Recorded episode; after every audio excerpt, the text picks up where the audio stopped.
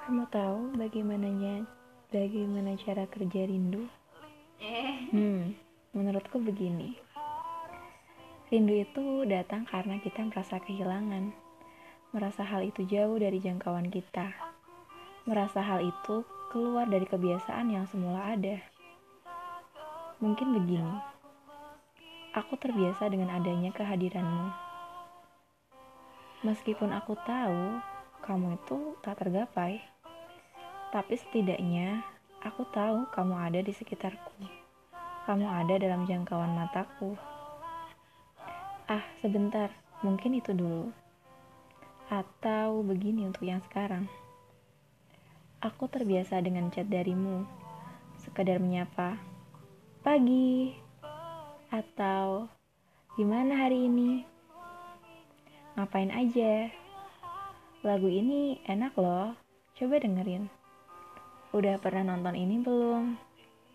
Ini rekomen banget sih buat ditonton. Udah malam, tidur. Jangan begadang terus. Masih rebahan aja.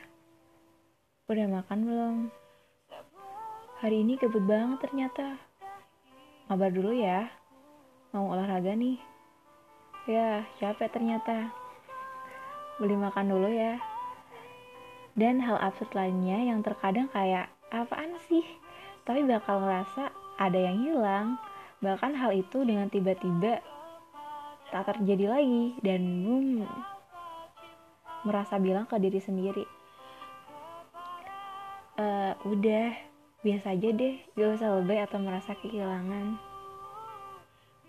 tapi nyatanya gak semudah itu untuk dijalani.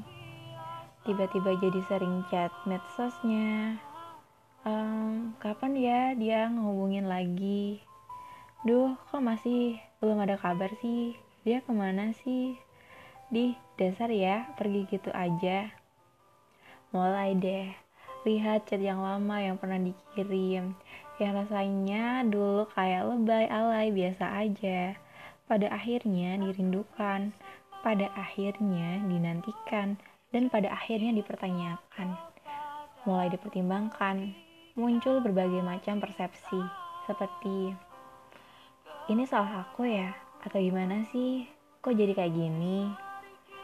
Ini dia emang sengaja? Kok jahat amat sih? Ya kurang lebih begitu sepertinya. Mungkin ada cerita yang berbeda karena rindu itu tak pernah sama.